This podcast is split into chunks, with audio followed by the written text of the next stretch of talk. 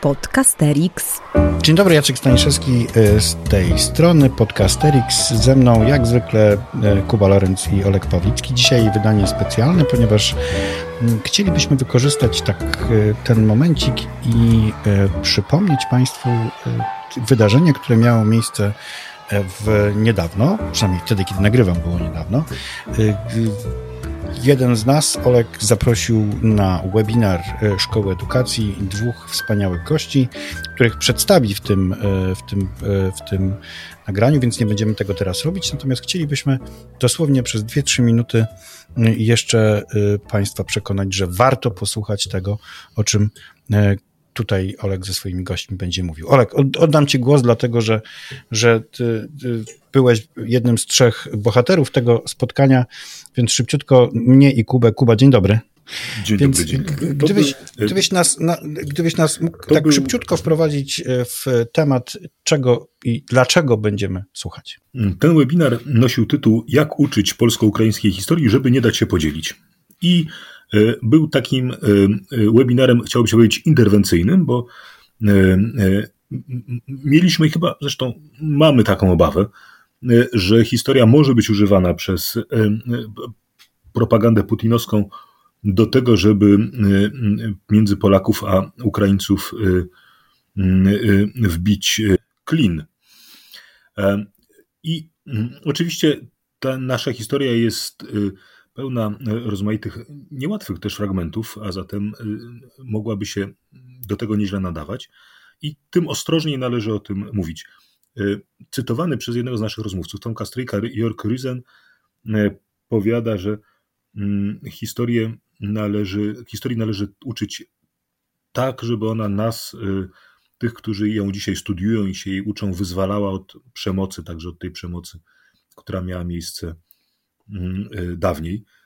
I to jest, jak sądzę, dylemat. Y, jak uczyć historii polsko-ukraińskiej, tak, żeby wyzwalać nas mm, od rozmaitej dawnej i mniej dawnej przemocy i żeby nowej historii dzisiaj budować, a nie dać się podzielić. I o tym był ten webinar. Wszystkich, którzy będą tego słuchać, chciałbym jeszcze tylko mm, chciałbym, chciałbym Wam jeszcze tylko powiedzieć, że to jest tak naprawdę taki wielki wybór, e, bardzo taki zagęszczony wybór tego, co najważniejsze z naszego takiego praktycznego punktu widzenia mm, nauczycielskiego na tym webinarze zostało powiedziane.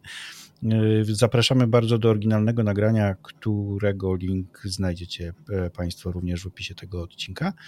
E, bo tam na początku też dużo ważnych, takich generalnych, ogólnych myśli się e, znajduje, no ale te nasze ramy czasowe nie pozwalają na to. Zresztą nie, ma, nie byłoby sensu, gdybyśmy po, przytoczyli. Powiedzmy jeszcze, że na stronie Szkoły Edukacji jest też poradnik, który e, opracowaliśmy dotyczący tego, o czym warto pamiętać, mając w klasie uczniów z Ukrainy. Tam jest bardzo dużo bardzo użytecznych informacji Myślę, że link y, do tego materiału też zamieścimy w opisie tego podcastu i tego odcinka, bo on jest y, też y, świetnym uzupełnieniem i tego nagrania z webinaru, które będzie można za moment wysłuchać i też po prostu ma bardzo praktyczny wymiar i warto, warto ten tekst. Trzeba teraz już zaczynamy słuchać.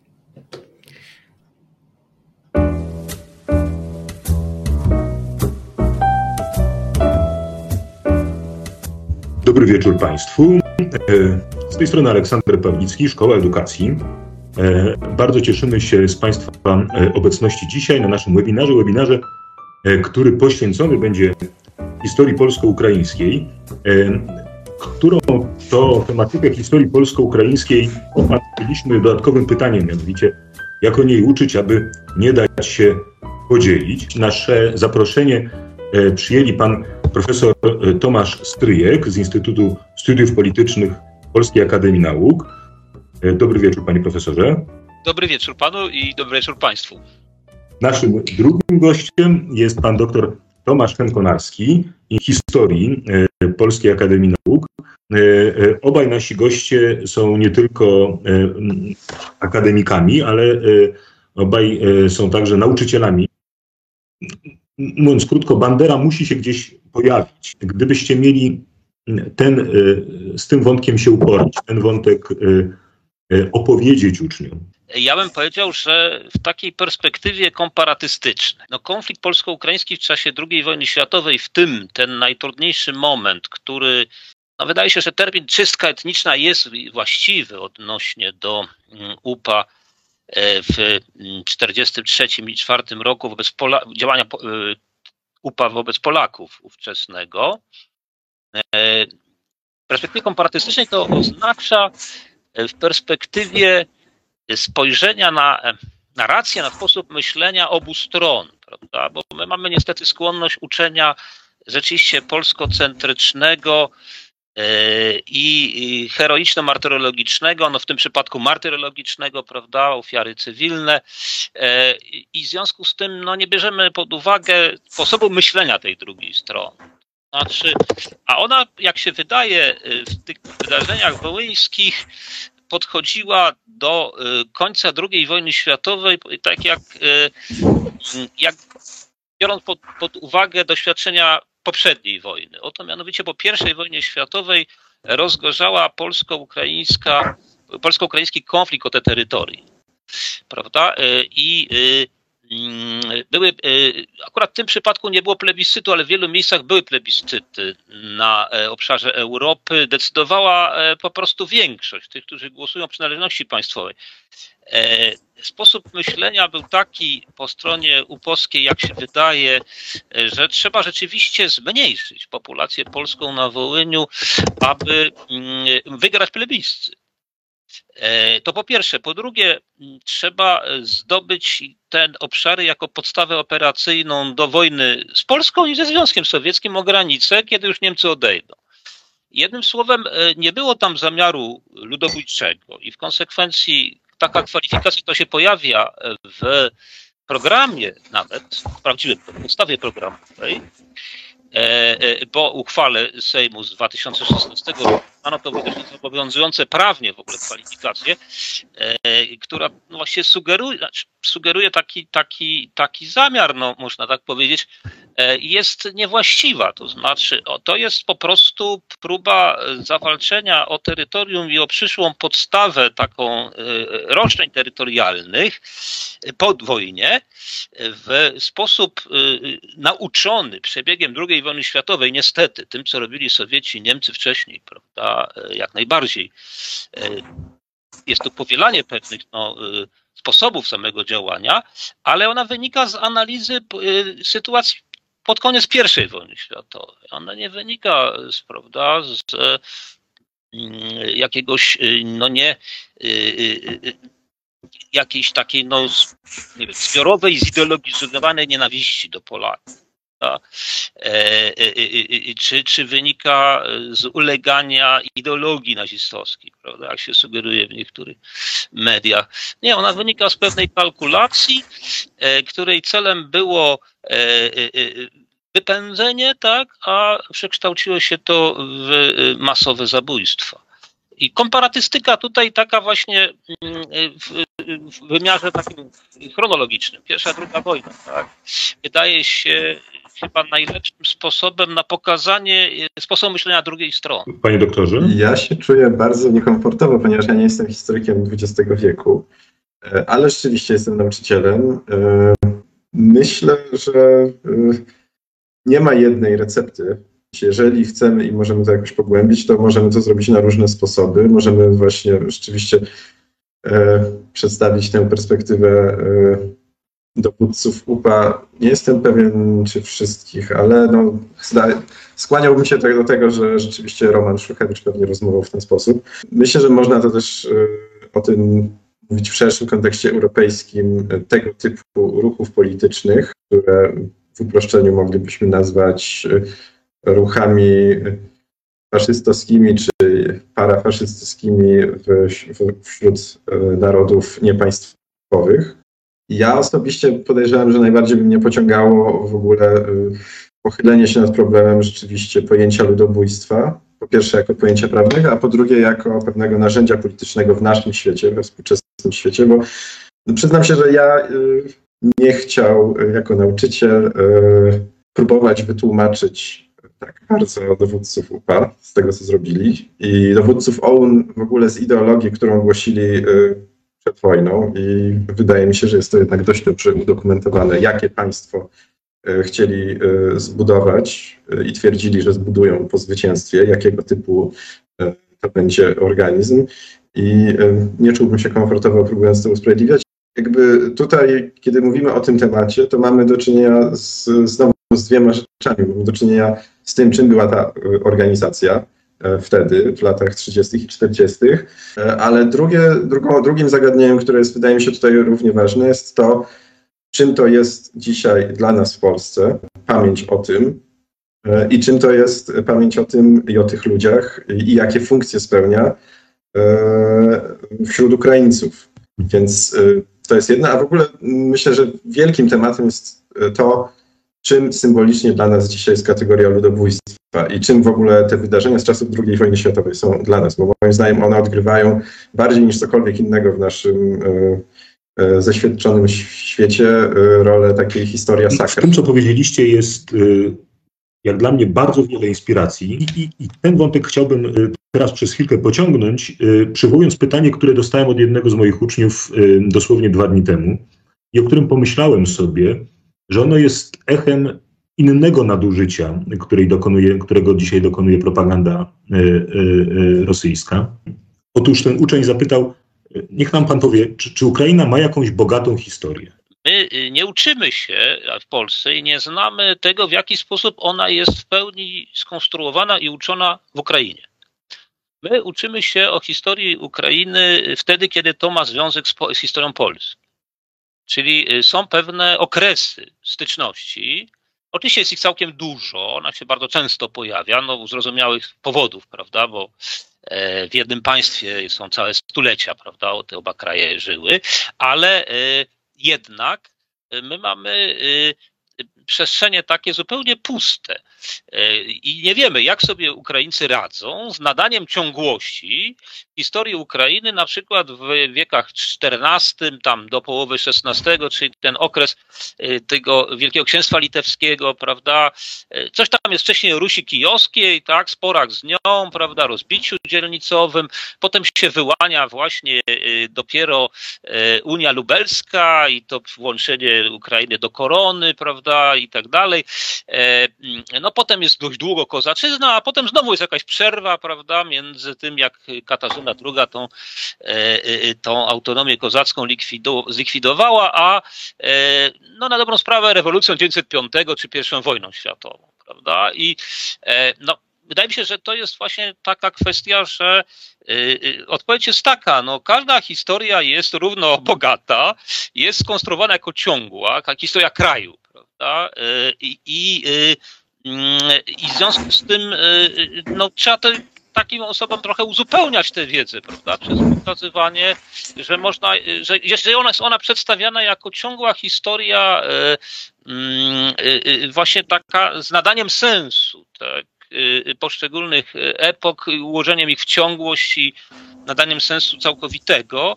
E, e, I są takie podręczniki oczywiście, które również w Polsce zostały wydane, ukraińskich historyków, prawda, przystępnie napisane, które to pokazują, prawda, i, i w tym sensie żadna historia nie jest ani uboższa, ani bogatsza żadnego kraju, prawda, jeżeli tak na to spojrzymy. E, czyli znowu jest ta kwestia wyjścia poza ten polonocentryczny punkt widzenia. No niestety nasza podstawa programowa od kilku lat mocno podkreśla ten punkt widzenia, prawda? I E, I stąd ta fragmentaryczność wiedzy o historii Ukrainy i to, i to wrażenie e, jakiejś ubogości, niepełności i tak dalej. Doktorze. Nie możemy oczekiwać od polskiej podstawy programowej, że e, będzie zawierała w sobie jeszcze wyczerpujący dodatkowo kurs historii Ukrainy. No, po prostu mm, jeszcze parę by się tam w takim razie dało postulatów wobec niej postawić i no i wiemy, że y, nawet gdyby ona była pisana tak, jak o tym marzymy przez chóry anielskie, to, to, to jakby to nie jest wykonalne. No, to jest takie pytanie, które kiedy się je słyszy, bardzo ważne jest bardzo ważna jest intencja, z jaką ktoś je zadał. To też trzeba, to też trzeba wyczuć. No, Krótka odpowiedź brzmi tak, że oczywiście Ukraina ma historię, ale nie wszyscy ją znają, ponieważ nie mają na ten temat wiedzy, więc właśnie można odesłać do dobrych książek.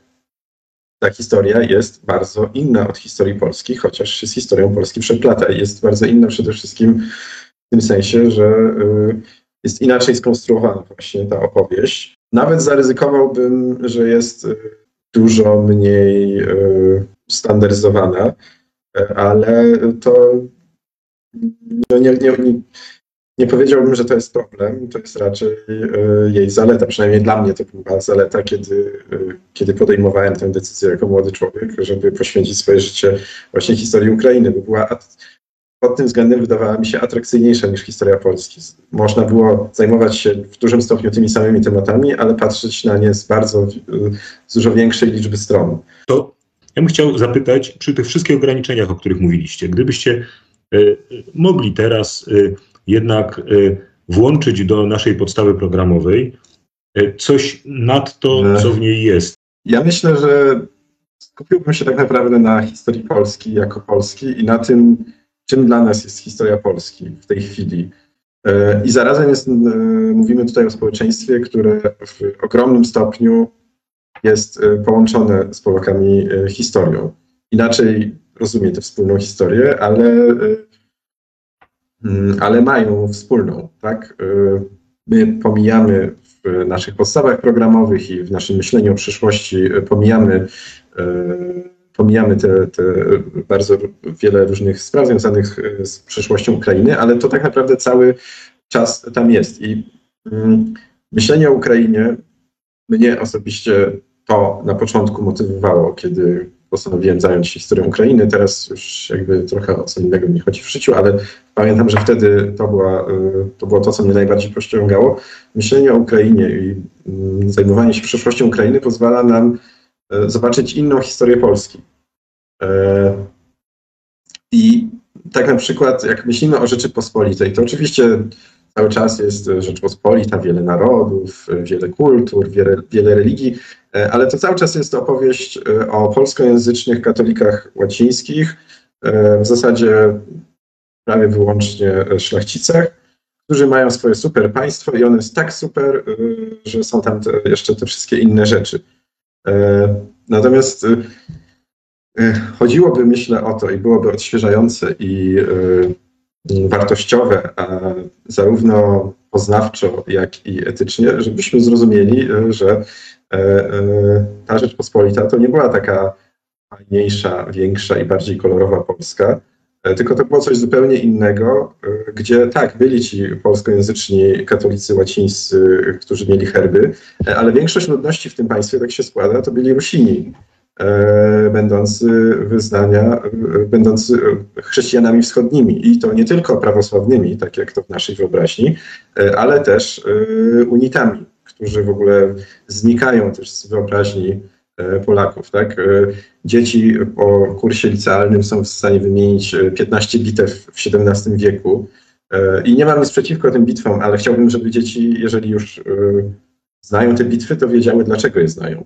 Żeby, żeby, uważa, żeby to było im do czegoś potrzebne, a nie żeby uczyły się tylko dlatego, że tak jest zapisane w programie od strasznie dawna i nikt już nie pamięta dlaczego. E, natomiast nie wiedzą, e, co to była Unia Brzeska i nie wiedzą, e, kim byli unici, którzy byli w momencie rozbiorów największą grupą religijną Rzeczypospolitej. Prawosławni byli małą mniejszością wśród chrześcijan wschodnich w momencie, w momencie końca istnienia Rzeczypospolitej. Więc myślę, że to jest pierwsza ważna sprawa, żebyśmy zaczęli się uczyć myśleć o przeszłości przedrozbiorowej Rzeczypospolitej nie jako o przeszłości Polski, tylko jako o przeszłości czegoś o wiele bardziej skomplikowanego, czego częścią jest e, przeszłość Polski. To nie jest tylko nasz problem, bo e, e, za granicą, kiedy ludzie próbują pisać historię Rzeczypospolitej, to dalej piszą historię polskocentryczną, więc to nie chodzi o to, że my tu w Polsce jesteśmy jacyś głupi i nam nie wychodzi. To jest trudne i to jest praca jeszcze na wiele lat. E, taka teoretyczna, jak to zrobić i jak to, jak to, jak to wypracować. Po drugie, myślę, że bardzo ważny temat e, znowu dla nas, po prostu jako społeczeństwa polskiego, to, jest, są, to są ruchy narodowe w XIX wieku.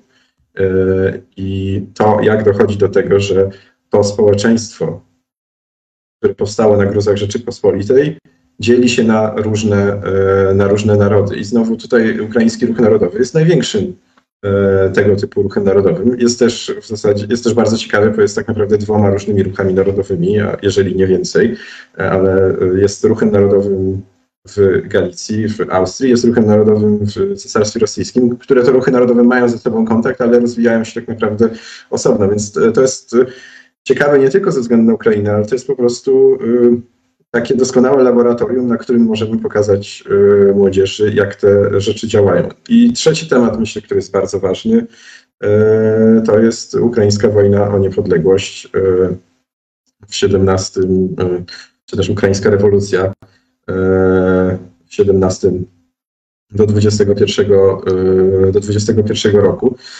Bo tutaj możemy pokazać znowu młodzieży coś, co jest istotne, bo to ginie że istnieje coś takiego jak e, ciągłość państwowa Ukrainy od tamtego, e, od tamtego czasu i że nie jest tak, jak e, twierdzi prezydent Putin, że Lenin stworzył Ukrainę, bo miał taki kaprys, tylko Lenin zgodził się na to, żeby powstała sowiecka Ukraina, dlatego że nie widział innego rozwiązania tego problemu.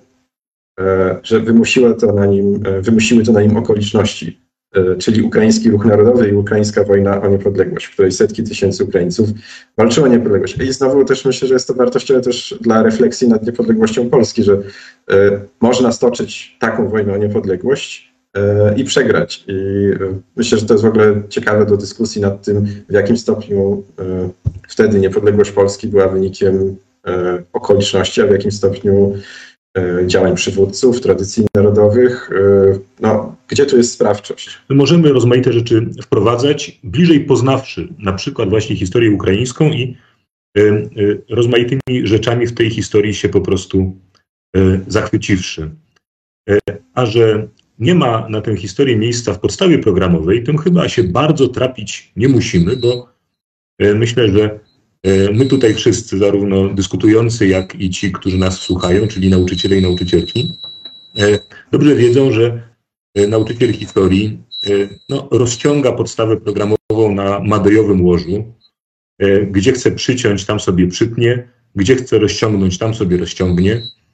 I na pewno jest sporo rzeczy, które można przyciąć, a w ten sposób nieco zrobić miejsca na wątki, które E, dzisiaj są bardzo, bardzo ważne, ale e, jak o tym mówiliście, e, wydają się też ważne zawsze, także dlatego, że wzbogacają naszą, naszą wizję historii Polski.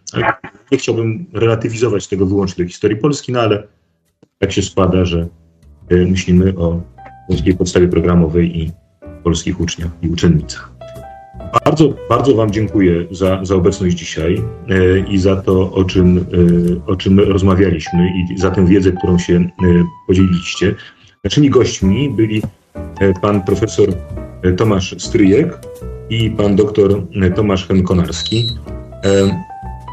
Raz jeszcze bardzo dziękuję i dobranoc. Dziękujemy za zaproszenie. Tak, dobranoc.